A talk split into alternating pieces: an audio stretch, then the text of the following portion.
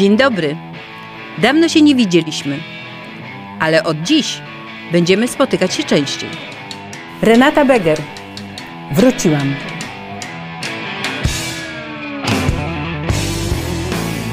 Będziemy rozmawiać o rolnictwie na serio, w Polsce na serio.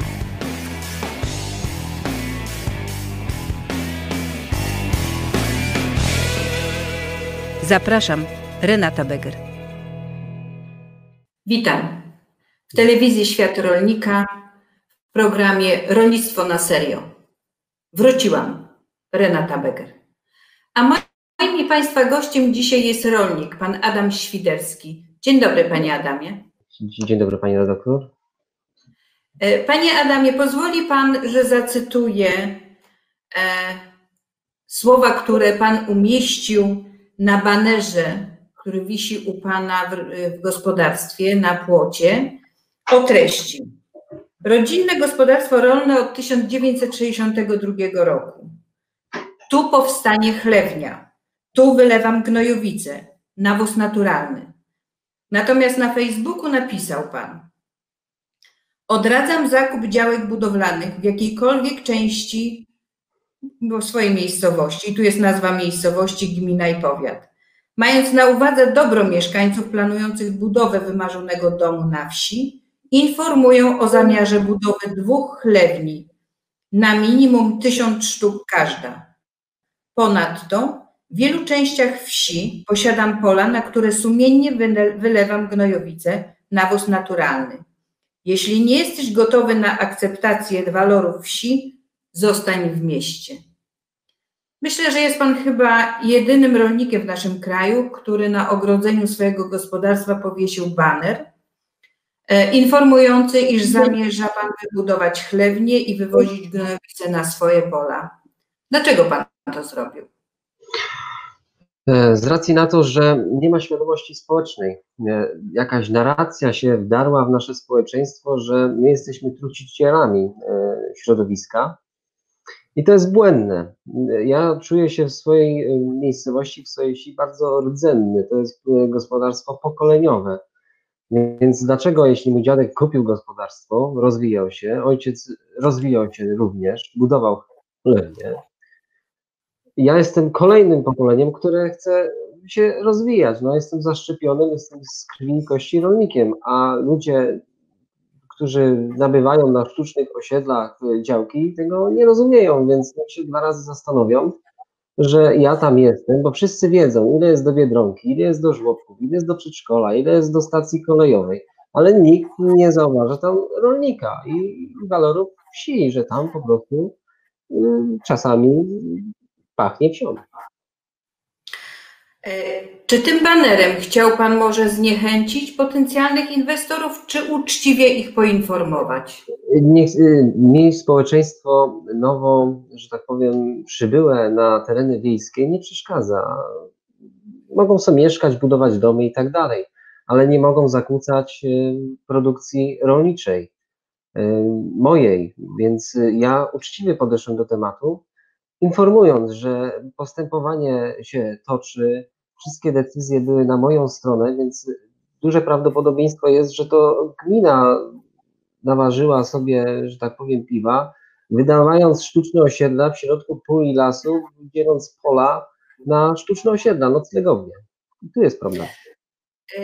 Panie Adamie, czasami niektórzy ludzie mówią, że to rolnicy są winni sobie, ponieważ E, sprzedają działki, ponieważ to były kiedyś ich grunty, a potem wystawili jako działki budowlane.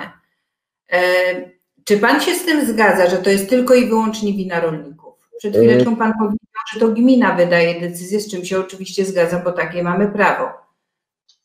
Tak, to jest po części wina rolników. Ja mogę na swoim nie chcę się wypowiadać na temat, jak jest w innych regionach naszego kraju, tylko E, nie mogę się dorolnić jako rolnik w ziemię, no bo wszyscy moi sąsiedzi czekają tylko, aż najstarszy domownik, że tak powiem, zamknie oczy i kroją po prostu to na działki na potęgę.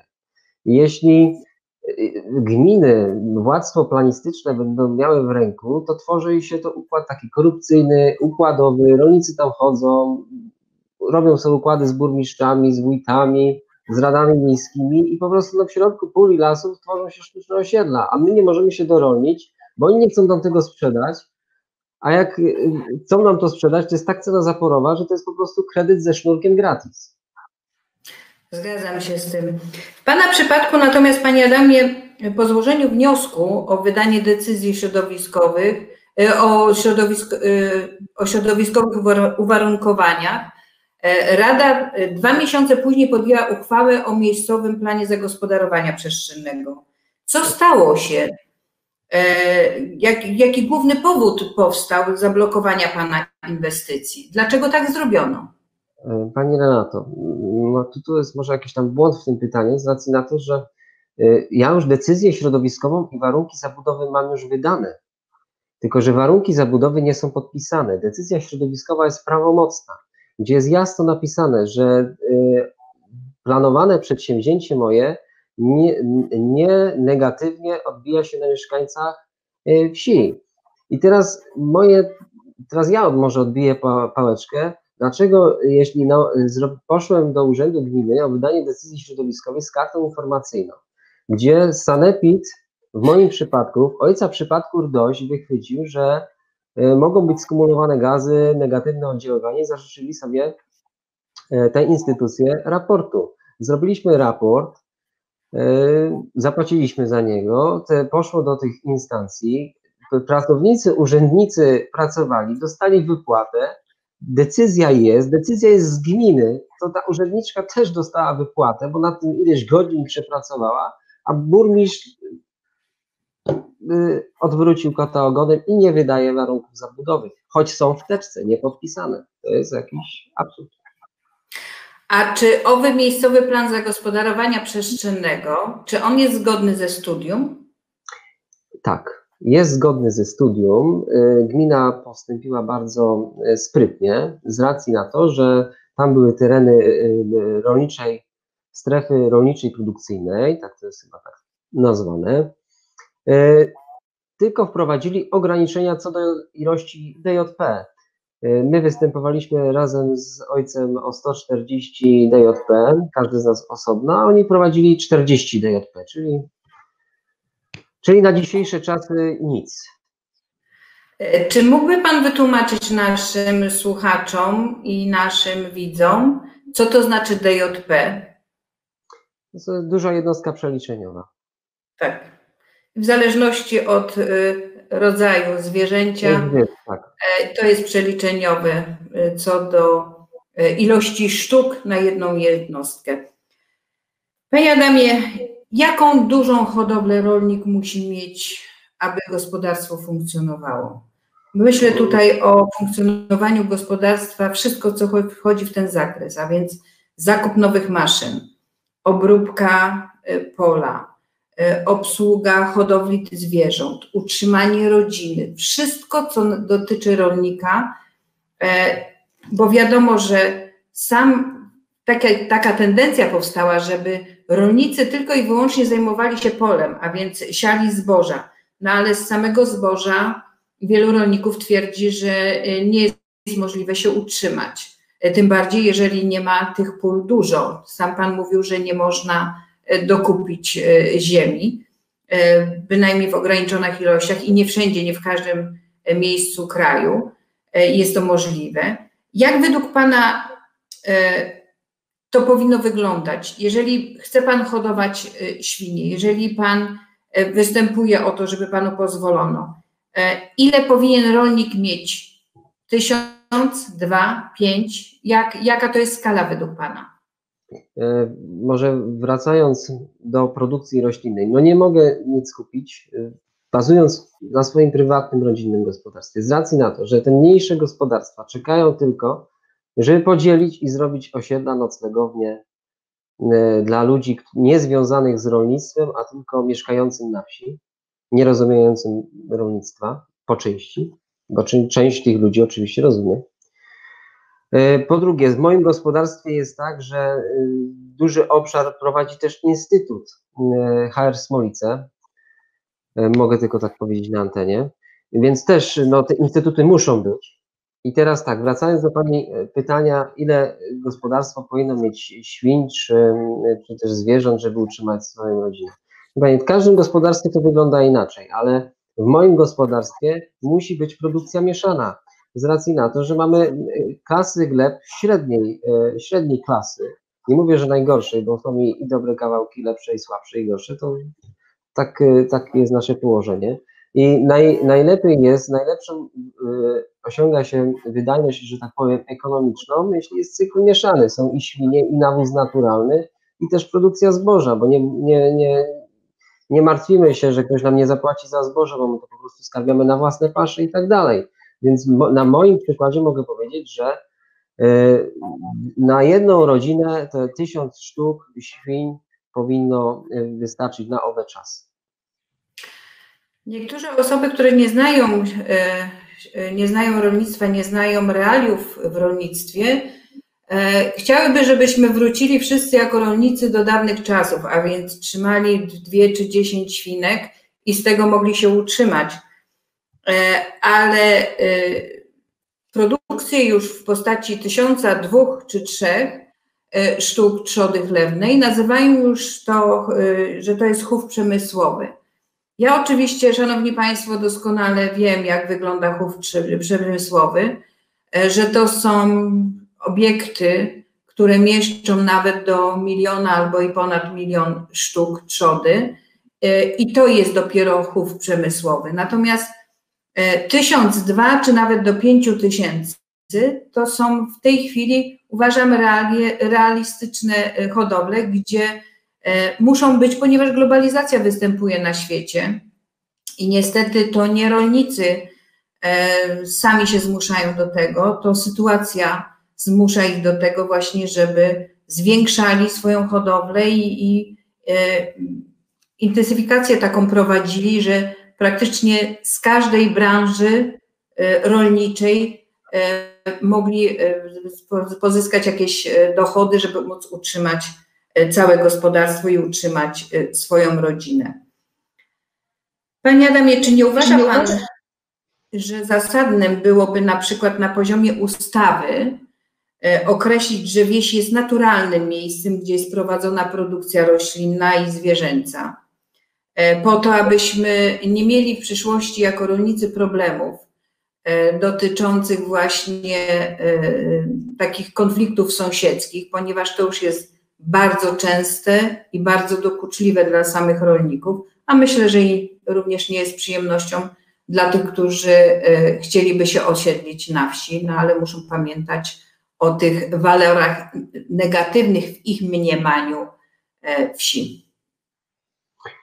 Ja uważam, że jakaś ustawa powinna powstać. No, Francuzi już się z, z tym e, poradzili, że zapisali te pianie koguta i, i zapach obornika jako dziedzictwo narodowe i ten, ten kierunek powinniśmy obrać e, również. No, e, musimy jakoś pogodzić te dwa światy, tak? Albo wytworzyć strefy, gdzie faktycznie ludzie powinni się budować i tam nie powinny też powstawać obiekty takie uciążliwe. Ale cały czas powtarzam na swoim przykładzie, jeśli samorządy będą decydowały, co może być zablokowane, a co nie, i ludzie blokujący dane inwestycje nie będą też e, pociągani do żadnej odpowiedzialności, bo ci ludzie, co podpisują petycje, tak naprawdę śmieją się rolnikowi w twarz no i oni są chodzą sobie bezkarni. Także to też powinno być w drugą stronę też, że, jakaś e, zadośćuczynienie, jak ktoś wygra, powinno być. Ja myślę, że wspomniał Pan o samorządach. Ja myślę, że w samorządach niejednokrotnie mamy ludzi na stanowiskach wójtów czy, e, czy burmistrzów, jeżeli chodzi o miejsko-wiejskie e, tereny, gdzie te osoby praktycznie po to tylko, aby mieć w przyszłości znowu tych samych wyborców albo dodatkowych wyborców, e, przeciwstawiają się rolnikom, pomimo że co niektórzy rolnicy otrzymują wszystkie pozytywne zezwolenia dotyczące e, budowli e, chlewni czy obory, a przecież to nie chodzi tylko o powiększenie hodowli, ale również chodzi o odbudowanie spalonych czy modernizację starych chlewni, czy obór, więc myślę, że ci ludzie powinni też bardzo głęboko się zastanowić i to w jakiś sposób powinno być usakcjonowane, e, e, czy mogą w ten sposób postępować, czy nie. Oczywiście, Szanowni Państwo, my bierzemy udział, jeżeli jest taka tylko możliwość, e, w posiedzeniach nawet komisji, podkomisji w Sejmie i mówimy o tym, żeby mm, raz na zawsze to uporządkować. No, w tej chwili jest bardzo dużo, e, dużo innych problemów, więc niestety poszło to znowu troszeczkę jest odsunięte. E, Panie Adamie, może powiedzmy jeszcze o innych sprawach, ponieważ pan minister Adanowski powiedział, że rolnicy są kustoszami przyrody. Czy pan czuje się takim opiekunem przyrody, czy kustoszem, obojętnie jakbyśmy to nazwali, chociaż w naszym prawie nie ma takiej możliwości e, nazwania, co prawda, że jesteśmy kustoszami, no ale umownie możemy się tak jako rolnicy czuć pewnie. Tak, ja tak się czuję, żyję w zgodzie z przyrodą. E, bez nas, rolników, no, ludzie po prostu nie będą mieli żywności. Tak, tak, tak powiedzieć szczerze. No, nie możemy, to jest prawo naturalne. Tak, ja się czuję powołany do tego, żeby orać ziemię, chować trzodę. Tak mnie nawet nauczyli w szkole, jak chodziliśmy do Unii Europejskiej. Musicie się, chłopaki, y, musisz robić. Ty możesz mieć krowy, ty jak robisz świnie, musisz mieć świnie.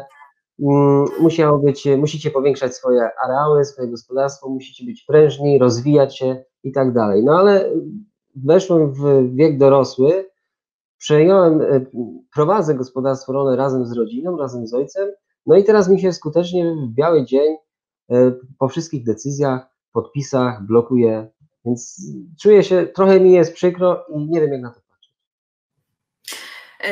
myślę, że nie powinno w ten sposób się odbywać, ponieważ faktycznie rolnicy, leśnicy to są osoby, które praktycznie z powołania idą w te swoje zawody i, i kochają przyrodę, dbają o tą przyrodę, wiedzą jak e, dbać o zwierzęta e, i o roślinność, o drzewa, jeżeli chodzi o leśników.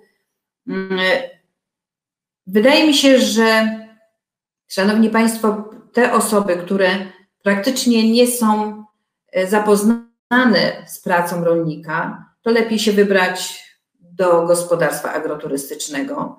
Lepiej tam porozmawiać z rolnikiem, by zapoznać się z jego pracą codzienną, wstać wcześniej rano, iść razem z nim do pracy, popracować nawet sobie z boczku chociaż, już nie mówię, że całą tam swój, wysiłek e, włożyć tak, jak to rolnik e, wkłada w tą pracę, ale chociaż z boku od czasu do czasu temu rolnikowi e, pomóc i przyglądając się jego pracy, zapoznać się z całą specyfiką rolnictwa, ponieważ początek pandemii, a więc ten moment, kiedy ludzie dowiedzieli się, że mamy koronawirusa w naszym kraju również, e, nasze sklepy nagle prawie że opustoszały, powstał chaos. Jeżeli nasi rolnicy nie byliby tak wspaniałomyślni, jeżeli by nie pracowali tak ciężko, to na pewno mogłoby w pewnym momencie zabraknąć tej żywności. Ale zobaczcie Państwo, mamy takie szczęście, że w naszym kraju możemy wyprodukować nie tylko dla nas tą żywność, ale również jest nadprodukcja, gdzie eksportujemy. I proszę pamiętać, że nie tak dawno, e, w poprzednim roku, po około 32 miliardów, znaczy około 32 miliardy e, zostało wyeksportowanej żywności, a więc mamy zabezpieczoną tą żywność, mamy to bezpieczeństwo żywnościowe więc należałoby rolników bardzo szanować. Panie Adamie, czy otrzymał Pan pomoc suszową? Tak, otrzymałem. Czy otrzymałem niedawno, co prawda, ale już jest. Już się można. Bardzo się cieszę, ponieważ no, są jeszcze e, rolnicy, którzy niestety nie otrzymali, ale wiem, że już pomoc suszowa ruszyła. Mm, e, w dawnych czasach, a więc za czasów poprzedników, mieliśmy bardzo mało, bo to w granicach, jak to pan e, minister Sawicki mówił, 450 milionów. W tej chwili już drugi rok, gdzie jest to pomoc ponad 2 miliardy. Za 2018 rok było to 2 miliardy 215 milionów. Za 2019 ma być wypłacone 2 miliardy 300 milionów. Bardzo się cieszymy. Takich, takiej sytuacji jeszcze w rolnictwie nie było, żeby taka pomoc szła. A ta pomoc idzie nie tylko dla samych rolników, ale również idzie dla konsumentów, bo jak rolnik otrzymuje pomoc, to wiadomo, że nie podnosi tych cen, a ceny podnoszą jedynie pośrednicy.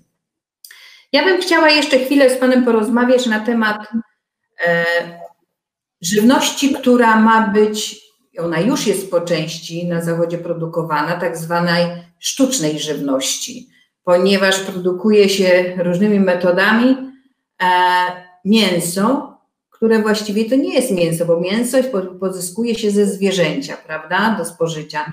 Natomiast to jest sztuczne i teraz trwa batalia o to, jak nazywać. Czy to powinno się nazywać mięso, czy jakąś inny, inną nazwę powinno posiadać. E, jak pan by nazwał? Jak, jak pan się odnosi do tego, że coś takiego wymyślono, gdzie ma zastąpić mięso i zastąpić produkcję zwierzęcą? No, jest to jakiś ślepy zaułek. Moim zdaniem to powinien się nazywać produkt mięso podobny, sztuczny, mięso podobny, no tak bym to po prostu nazwał. I moim zdaniem jest to nienaturalne i od zarania dziejów e, ludzie orali pola, hodowali zwierzęta, chodzili na polowania i jedli normalne mięso, a nie, nie, nie wiem, z laboratorium, no przepraszam. No właśnie, myślę, że to Pana odpowiedź y, będzie chyba zbieżna z wieloma rolnikami, a może nawet i w 100%, w 100 ze wszystkimi rolnikami, ponieważ nie jest do przyjęcia y, to, żeby nazywać i, i traktować jako mięso coś, co zostało wyprodukowane na wzór mięsa, a nim nie jest. Panie Adamie, ale jeszcze jest sprawa na przykład dotycząca mleka, a więc y, od 30 lat y, zwiększamy, y, zwiększamy produkcję tego mleka.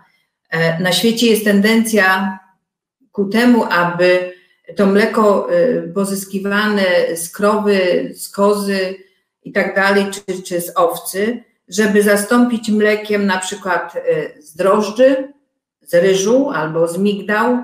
Są jeszcze inne.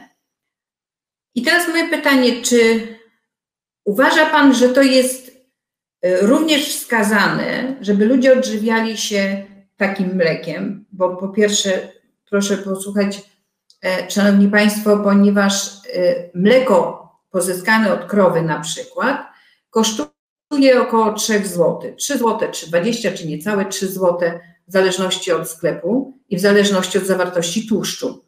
Natomiast y, mleko na przykład y, z migdał kosztuje 3 euro.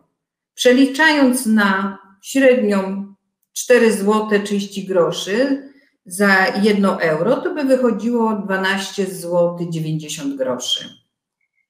E, najtańsze z tego, co e, wiem, to jest z ryżu 1,5 euro.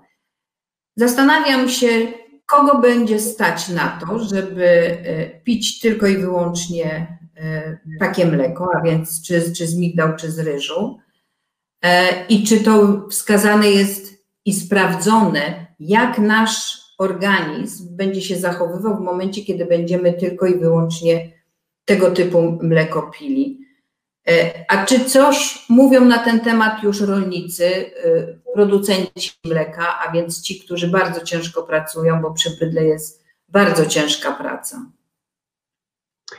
E, ja powiem tak, no, dużo się słyszy o, o, o weganach, o tych nowych wymysłach. No, ja się zastanawiam, dokąd, dokąd ci ludzie idą, do, do, dokąd zmierzamy, do jakiego punktu. Czy to jest ani nienaturalne, a dwa, wydaje mi się, że stoją za tym wszystkim wielkie korporacje z wielkimi mediami, z wielkim naciskiem na społeczeństwo, wciskają taką ideologię i to się po prostu tak sieje i szerzy. No, no, jeśli ktoś mówi cały czas, że coś jest czarne, a jest białe, no to ktoś może wierzy, że to jest faktycznie czarne. Myślę, że tak. Panie Adamie, mam nadzieję, że Pan będzie walczył. Wrócę jeszcze do naszego pierwszego tematu. Mam nadzieję, że Pan będzie walczył, mam nadzieję, że Pan pójdzie do sądu, będzie walczył o swoją rację, a my będziemy Panu towarzyszyli, będziemy Pana wspierali. Liczę na to, liczę na siłę, że tak powiem, przekazu medialnego, bo y, urzędnicy nawet y, nie są pociągnięci do żadnej odpowiedzialności. Po prostu dysponuje dokumentami, postanowieniami samorządowego kolegium odwoławczego, gdzie jasno jest napisane, że burmistrz y, ma w trybie natychmiastowym wydać warunki zabudowy, a on zawiesza ponownie, bez uzasadnienia. No właśnie, i takich przypadków, tak, to jest po prostu to jest przykre. No nie, mo, nie, mo, nie można sobie dać rady z władzą. Burmistrz jest panem, królem się czuje i koniec. Tylko sądy. Czekamy.